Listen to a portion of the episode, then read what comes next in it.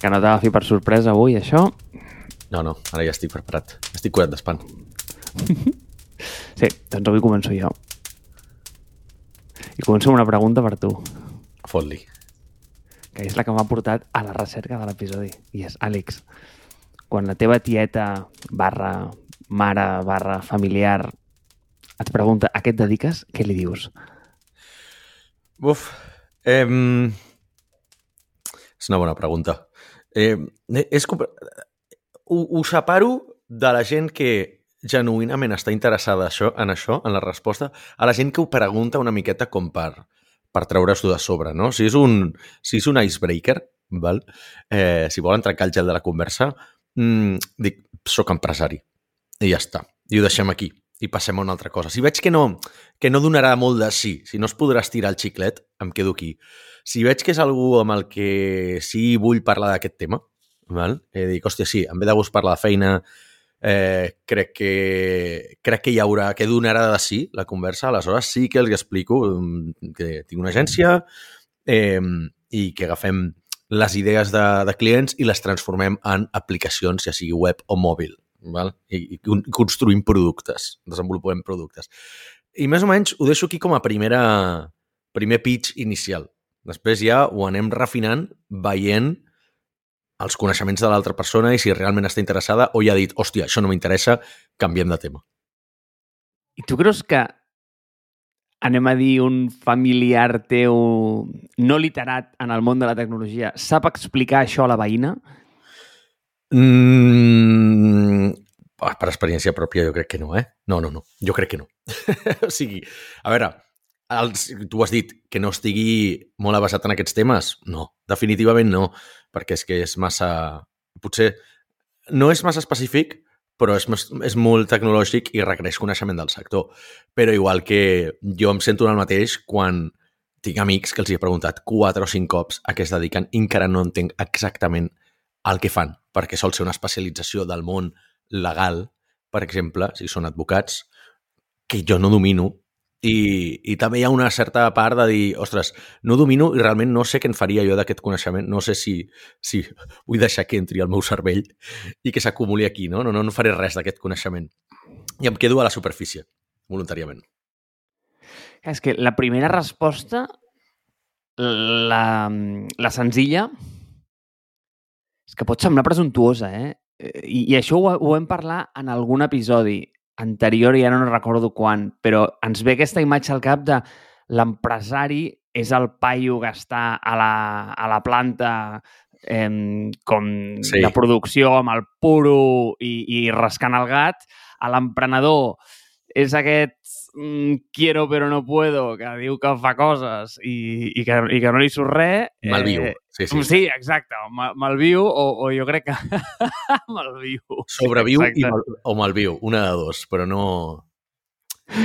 Encara l'has de convidar a dinar, diguem, l'emprenedor, saps? Eh, eh, clar, llavors no hi ha com una molt bona paraula per això. I jo crec que això ens porta a el, el motiu de- de- de- d'aquest episodi en concret, que és definir una mica aquest rol de qui és aquesta persona de producte, on estan, on es troben i d'on surten. Però tu com ho expliques, a què et dediques? A la gent que no està, no està basada en el, en el tema. O sigui, jo primer Com a cap contesto... de producte, eh? Com a cap de producte de, dos o tres empreses, diguem, que tens a les teves espatlles. Com ho has explicat històricament? Jo contesto amb una altra pregunta. Primer, la, o sigui, igual... Ets gallec. La... no, tio, vull estalviar un problema. I la pregunta és, a veure, quantes ganes tens de saber-ho, no? Ah, val, val. Aquesta és bona, aquesta és bona. Veure, realment estàs molt interessat o no? Perquè si no estàs interessat ja no obrim aquest meló. Eh, llavors, si ho estàs, doncs ho intentaré. Val. A mi, un tio que em va agradar molt la resposta que em va donar, eh, que era una, persona de producte a qui admiro moltíssim i que no crec que ens escolti perquè no entén el català, em va dir jo sóc el que fa que les coses passin. I a mi això em va agradar. I és Val. interessant. És, inter- el concepte és interessant, perquè en realitat ho penses i dius, hòstia, què fas en el dia a dia? I a mi em recorda molt a la meva carrera. L'enginyeria industrial és una cosa que està bé. Vale? És una cosa que està bé si ets un paio curiós. Val? En el sentit de que surts d'allà sense saber fotre absolutament res, vale? ets, el, ets un perfecte inútil, vale?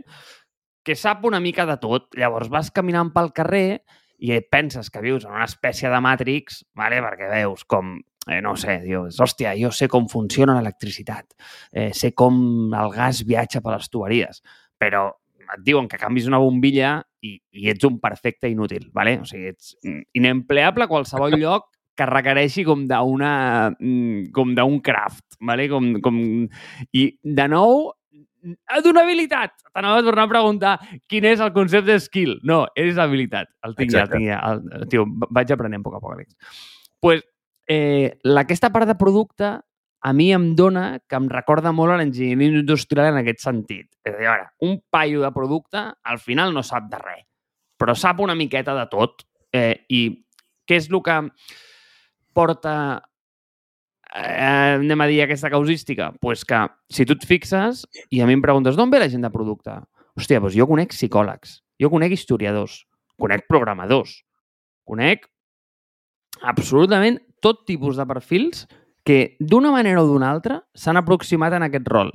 I és molt interessant, perquè cadascú porta com la seva perspectiva a la taula. I veus que hi ha com mil tipologies de product managers, no? Veus el tio que és més com encarat al negoci, no? Que va més a la pela.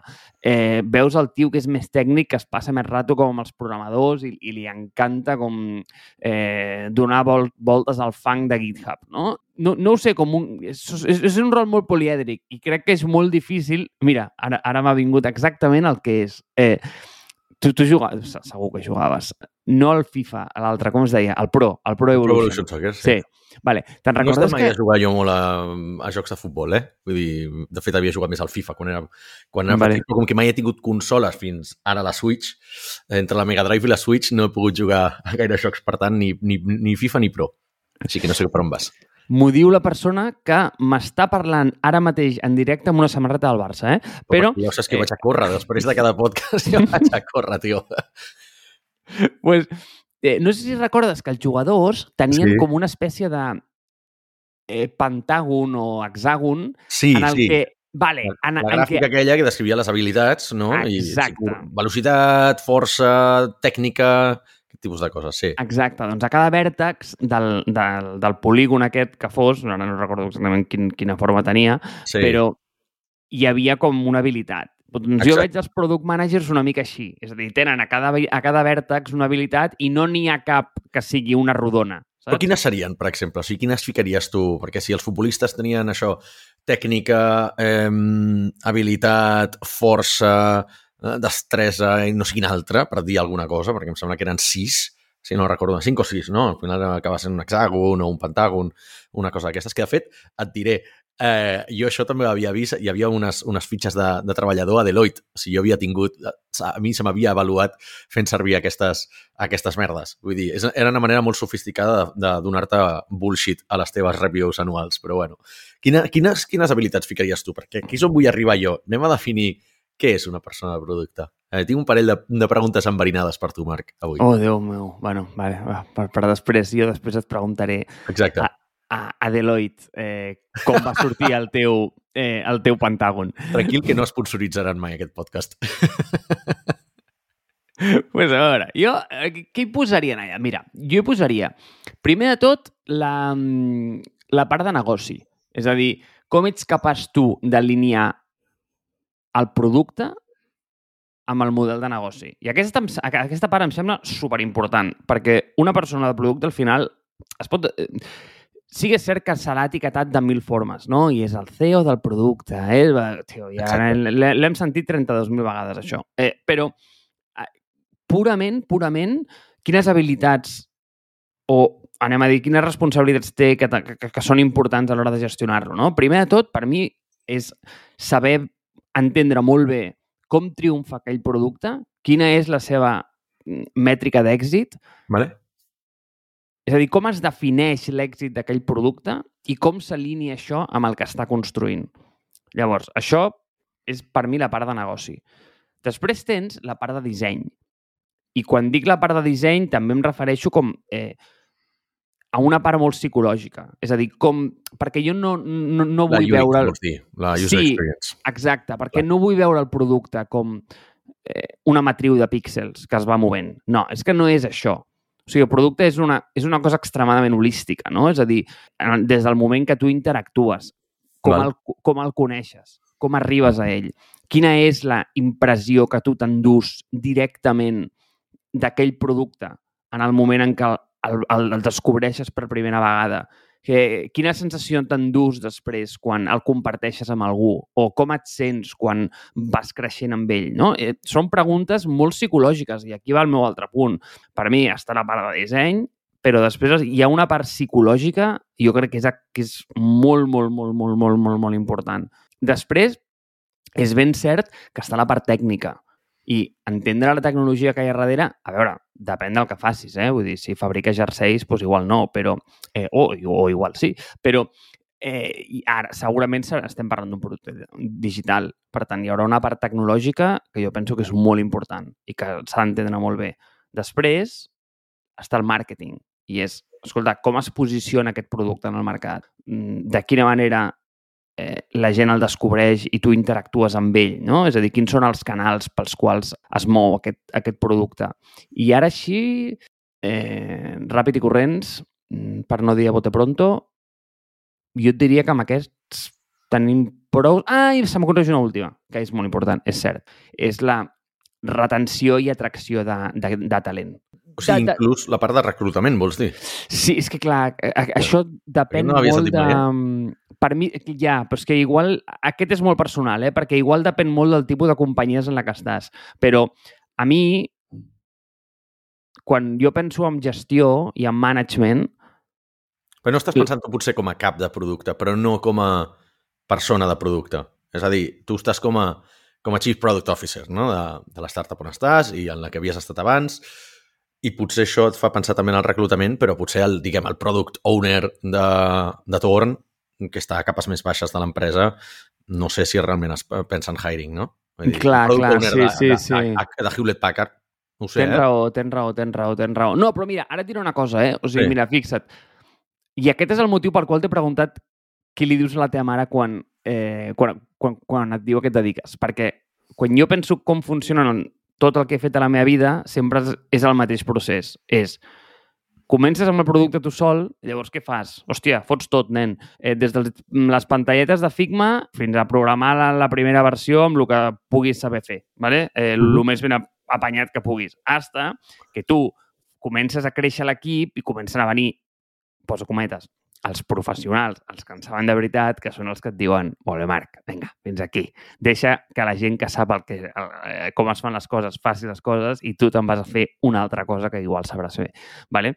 Llavors, com eh, crec que l'única manera d'evangelitzar i de, i, i de guanyar-te la confiança d'un equip de programadors, tècnic eh, i, i de dissenyadors, al final és veure que tu estaves fent una mica la, la seva feina abans, no? I que, i, tio, igual no ho has fet molt bé, però has fet l'esforç de posar-te les seves sabates. I crec que... O a la seva pell, vaja. I, I crec que això és interessant. I a mi és un punt que m'agrada molt sempre mencionar perquè és sempre com... Mira, tios, jo no tinc ni puta idea de management, ¿vale? Jo mai he fet un curs de management, jo no he fet negoci, jo no tinc ni puta idea. I, però jo l'únic que sé és que si tens la humilitat d'haver estat i haver caminat abans el camí d'un dissenyador o d'un programador, a poc a poc et guanyes el seu respecte, almenys d'entrada. Eh, si no, aquestes coses top-down a mi em costen molt. No sé què en penses tu, Àlex. És que, per tant, una miqueta per fer eh, resum, eh? vull dir, al final és una, jo sempre ho havia entès com una intersecció entre negoci, tecnologia i disseny barra usabilitat, no? El que se'n diria la UX. Tu li afegeixes una quarta dimensió, que és el màrqueting, i inclús una cinquena com a capa de producte, que seria el reclutament. Per tant, si m'estàs dient que és una persona que ha d'entendre com cinc coses que, que a priori no estan gairebé ni... ni o sigui, sí que estan relacionades, eh? però no formen part de la, del mateix pla ni d'estudis ni de carrera. Per tant, hòstia, el que estàs demanant aquí és una miqueta un unicorn, no? Eh, és a dir, com arriba una persona a tenir coneixements de tot això? Perquè és el que dius tu, hòstia, tu has conegut gent que ve d'un background de història, com de disseny, com de programació, que acaben fent producte, no? I dic, hòstia, a mi em sembla que hi ha molt poca gent que pugui tenir tots aquests coneixements, o si més no, que no pateixi del síndrome de l'impostor i que tingui la confiança o la- l'autoestima suficientment alta com per poder dir va, vaig a dedicar-me a producte perquè considero que sé suficientment de tecnologia, de UX i de, i de negoci com per començar a fer això. No? Després el màrqueting i el reclutament doncs potser ja arribaran, no? Però trobo com que hòstia, és una miqueta un unicorn, aquesta gent, no? O sigui, eh, quines condicions mentals s'han de donar per pensar que tu vols dedicar-te a això? Perquè també hi ha molt product, eh, product wannabe, eh? Vull dir, i si vols entrem aquí en les, en les preguntes enverinades que tenia, que tenia per tu, però... Ai, Déu. No, però escolta, mira, i aquí ve la frase polèmica del dia, eh? Vinga, Facis el que facis a la vida, penso que amb, anem a dir, que amb la sobrecàrrega d'informació disponible que hi ha a l'abast, mm -hmm. sempre, sempre, sempre et sentiràs un impostor. Sempre. sempre, absolutament. Sempre. Va, menys que siguis un flipat, que també n'hi ha d'aquests. Exacte. I si no t'hi sents, és que ets un tio poc humil, sincerament, eh? Val? Perquè és que és impossible, és impossible saber-ho tot. És impossible. I més, mira, doncs abans, doncs, no ho sé, doncs, eh, és que ara no recordo qui era, però em fa molta gràcia perquè... Ai, Déu, eh, ho posaré les notes perquè vaig llegir la seva història i em va semblar brutal. Ja està documentat qui és l'últim paio en el món que ho va llegir tot, ¿vale? tot el que estava disponible, tot el corpus d'informació disponible. Hòstia, imagino que això devia passar a l'època de la Biblioteca Oh. d'Alexandria, no? Sí, va, Ah, val. No, Va no ser- crec que avui en dia passi això. va ser fa temps. I va ser també perquè, que a mi això em fa molta gràcia, Àlex, és perquè, i, hòstia, és que, tio, et trobaré l'enllaç perquè és boníssim. És un paio vale, que tenia un servent que, mentre caminava, li anava com recitant les coses perquè com, com les, doncs, li, li anava llegint altres llibres i a mi això em recordava com a l'MVP de, de, de Audible. És com... Home, però això devia ser després d'impremta, perquè si no, no podria ser. No? Clar, clar, clar, era després de la impremta, era Val. just després de la impremta. Llavors el tio li, li anava com recitant els llibres Sí, i llavors sí, això, això, és... això és audiollibres total, eh? És el- És- l'MVP dels, dels Exacte, exacte. Digue-li digue al teu servent que et vagi recitant llibres mentre tu fas altres coses. Hòstia, em sembla... Sí, sí. sí i, i, i, i, li pots anar dient, tio, ara a 1.25. Vinga, una mica més ràpid, tio. Veus? Eh, així que... salta't al capítol 5 amb el seva memòria, saps? Ex- Exacte, exacte. Eh, merda, he perdut el, el fil. Eh, què m'havies preguntat? No, que, que d'on surt la gent aquesta i com, com de convençut has d'estar tu per, per, per entrar aquí, no? Per decidir-te a aprendre, o sigui, a, fer el salt, a passar producte sense sentir-te un impostor complet, saps? Vull dir, i tu parlaves d'això, de la, de la so, sobrecàrrega d'informació que tenim disponible avui en dia. Correcte. Eh, bé, Àlex, bé, ben, ben, ben tornat. I sí, tinc, tinc resposta, que igual no sé si t'agradarà o no, eh? però tinc resposta al que, al que em preguntes. I és, a veure, no pots pretendre mai tenir el pentàgon perfecte. És impossible. Vull dir, mai el tindràs. Tu per on Eh. eh... falles d'aquest pentàgon? Assumint les 5, eh? Les 5 que has mencionat. Quina diries que és la teva, la, la més forta i la menys? De quina vas més coix, Marc? És que, mira, no vull donar-te una mala resposta, ¿vale? però Tinc un pentàgon perfecte. el meu pentàgon no arriba a cap de les puntes, però és bastant pentàgon. Val, és a dir, està equilibrat, no? O sigui, Està no bastant un equilibrat. 10 sobre 10 en totes les categories, però igual és un 8 i mig, per dir alguna cosa. O sigui, jo no sé de res, però sé una miqueta de tot. Val. Però què és el que passa? I, Per tant, és, és important que sigui pentàgon, perquè ens entenguem? O pot quedar molt des... si queda molt desequilibrat ja igual no ets una bona persona de producte, no? Perquè jo crec No, que de les preguntes interessants a fer. Perquè si tens zero coneixement de negoci, jo no et fitxaria com a persona de producte. O sigui, si tens, encara que tinguis un 10 en totes les altres, però tens un 0 a negoci, hòstia, jo no et fitxaria, tio. Mira, No sé, eh? pues, pues jo aquí tinc un challenge, eh? perquè cada cop el que veig és que eh, el product manager no és una figura en si. Ve en moltes versions. O sigui, per exemple, un product manager d'unes internal tools o un producte molt de performance és un paio que si no sap de negoci no passa res. O sigui, tu el que vols és que estiguis super a prop dels programadors i que entengui molt bé el codi, no? Sí. Eh, en canvi, no ho sé, un product manager igual que el que té que fer és posar al mercat un producte que ni existeix, igual vols que tingui uns skills de negoci de la hòstia, saps? Eh, o un tio que agafa un producte supermadur eh, i igual més financer i que ja és com una, una màquina ja recurrent de fer diners, un producte B2B, per exemple, igual t'interessa que aquest tio, eh, pues això, no? Vull dir, estigui que entengui molt bé com allò fa diners i tingui com aquesta part de negoci molt, molt baixada, però si és un tio que no és tècnic, és igual, no passa res, no ho té que entendre. Llavors, no crec que hi hagi com un product manager a l'ús i dir, mira, tots han de ser com aquest, saps? No, eh, és que depèn de la companyia on et trobis, penso que tindràs com diferents versions d'això. I crec que aquesta és la gràcia de que poden venir de diferents... Doncs això, un tio de psicologia, doncs un tio de, de història, un programador, un dissenyador, i tots poden ser product managers, però al final cadascú destacarà amb el seu i la vida, entre cometes, els posarà en el seu lloc corresponent. Vale, és aquí ve la meva pregunta puta, Marc. O Quina no? diferència entre un project manager i un product manager? Vale, m'encanta que me la facis. Oh, gràcies, Àlex, perquè me la fa tanta gent aquesta. I eh, és la mítica pregunta a la qual li he donat tantes respostes diferents, però primer és que també... gent que es creu que és product manager, però són realment només són gestors de projecte, que, que dona què pensar. Per això vull saber la teva... No conec la teva versió encara de la Vale. resposta. Llavors, primer de tot, primer de tot, és, això és molt important, eh? Has de, has de tornar com a contestar a la gallega, vale? Li has de dir quantes ganes tens de saber-ho. No, no, jo ara tinc ganes de saber-ho, vull dir, Clar. si fa falta, fer servir els 10 minuts que queden. Tu en tens Però no molta. perquè tinc més preguntes, vull dir que... No, va, doncs et, mira, doncs et donaré la ràpida, vale? O sigui, Vale. perquè, perquè la gent ho entengui i, i perquè algú que em ve com sense cap tipus de coneixement pugui entendre quina és la diferència de forma molt ràpida, li dic, mira, tio, és superfàcil, vale?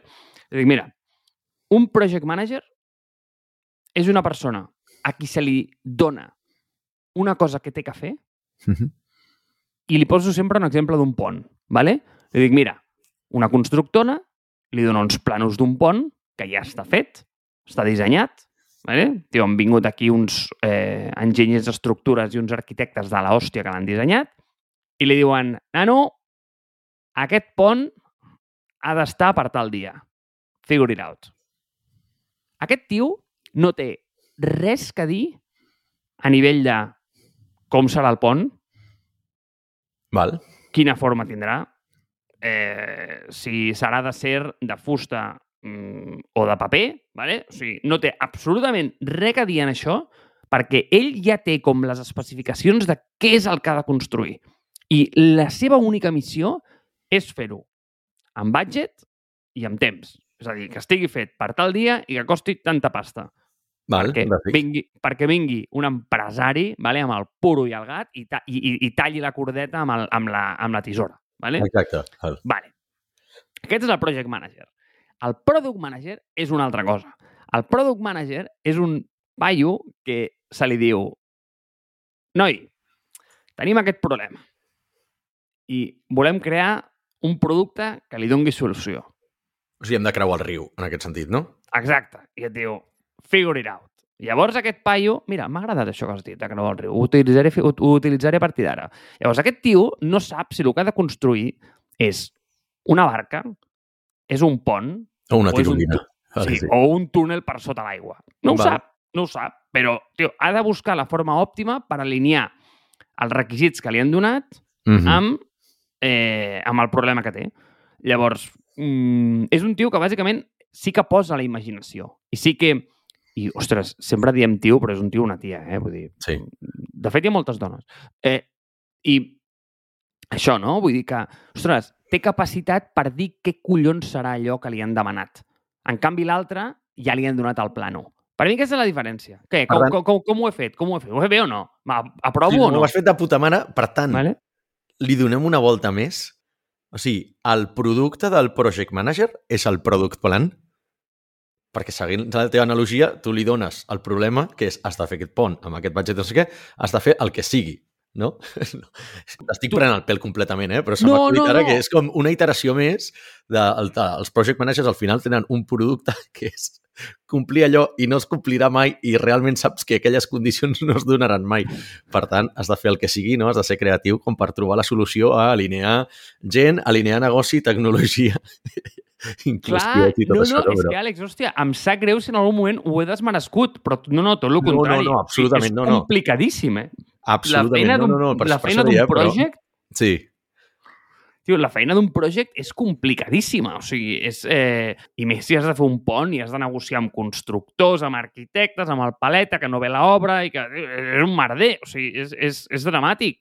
El que passa és que és més certera, anem a dir. En canvi, la del product, ja, és una mica més efímera. Vull dir, està una mica més eh, a veure com funcionarà això. T'estava prenent el pèl, eh? Vull dir que se m'ha acudit a mesura que ho anaves desenvolupant. Dic, hòstia, m'ha vingut l'epifania de dir és que realment la feina d'un pro project manager és com ser és com una etapa posterior a la de, a la de producte, no? en aquest sentit, i potser perquè he pensat més amb el project manager tradicional.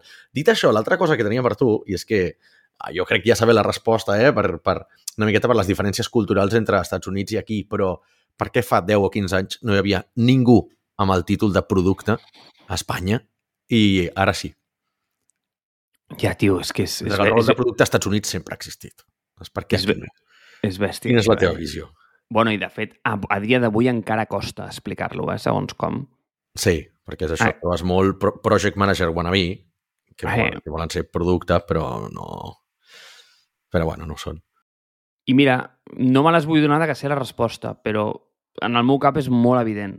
I és el outcome d'un product manager no és tangible. Segons com. És a dir, fa, un, mm -hmm. fa, fa, fa una feina bastant efímera. I de la mateixa manera que s'entén el valor d'un programador que tira línies de codi i un dissenyador que pinta mm, píxels molt bonics, un product manager no és molt clar el que fa. I llavors, abans de fitxar-lo, pues, a l'emprenedor diu, hòstia, eh, això ja entre, entre ells s'apanyen, saps? Entre ells ja saben el que han de fer. I com que jo ja sé el que vull fer, doncs, tio, jo ja seré com el product, saps? D'aquesta eh, companyia. El problema és que això, bueno, pues et genera problemes, no? Perquè si no li poses un professional a fer això, resulta que l'outcome aquest que no és tangible sí que realment té molt sentit, perquè igual peques de construir el producte que tu vols i no el que la gent t'està demanant o, o, o no ho sé, o sigui, o fas com els, els mítics errors que comet una persona que vol muntar un producte que mai ha sortit en el mercat eh, i, i, i, i, i que un product manager d'alguna manera ho ha vist de 34 maneres diferents i s'ho sabria evitar, però és, és curiós. És que ho dic perquè sempre he vist, o sigui, ara comences a veure molta gent product, product, product, i dic, hòstia, jo no recordo que hi hagués tanta gent dedicada a product abans. I mires els seus LinkedIns i probablement són gent que sempre havia estat fent project management, perquè el rol, diguem, el concepte producte aquí no havia arribat mai, no? Aleshores, als Estats Units sí que sempre hi havia hagut el rol de persona que s'encarrega de producte, però aquí no, perquè el producte com a tal, tradicionalment, se n'encarregava un project manager. I punt, no? Aleshores, ara sembla que molta gent s'ha adonat que el que ha estat fent tota la seva carrera era producte, però clar, realment era producte o no? És a dir, potser producte només es fa bé, bé, bé, bé, bé a Amèrica o a mercats anglosaxons i aquí no, perquè aquí se'ns donen les coses molt més fetes des de dalt. Aquí les empreses sempre prenen un approach top-down, no? Per això aquí una miqueta la meva, la, la, la meva segona pregunta filosòfica, no? Aquí realment s'ha fet mai producte en el que tu a la gent li dones una, un problema i ha hagut de buscar la solució o, és que clar, no sé si tu tens passat corporate o no. Aquesta és una part que diria que tu no en tens, no? Aleshores, clar, eh, jo he vist gent de producte a Estats Units la veus a, a Hewlett Packard, a Procter Gamble, eh, a empreses d'automoció, no sé què. Hi ha gent de producte. En canvi, aquí mires a SEAT, mires a HP aquí, mires a, a Deloitte aquí, mires a les, a, a, a les, diguem, a les corporacions d'aquí i no hi ha gent de producte. Només hi ha project managers. Llavors, mm, per què? Jo penso perquè aquí sempre hem tingut com aquesta visió molt més eh, jerarquitzada de de l'empresari, no? I l'empresari sap el que vol fer i diu, tio, mira, eh, aquí tens el meu plano, això és el que jo faré i, i figure it out, no? I és com el motiu pel qual també es tracten els desenvolupadors com si fos una granja, cometes, eh? Sí. eh com, com una factoria, saps? Mira, tio, si aquest se me'n va i em fitxaré un altre, i és igual, total, l'únic que fa és tirar línies de codi, saps? Quan en realitat no, o sigui, ostres, eh, és una persona que pot portar molt més a la taula que no això.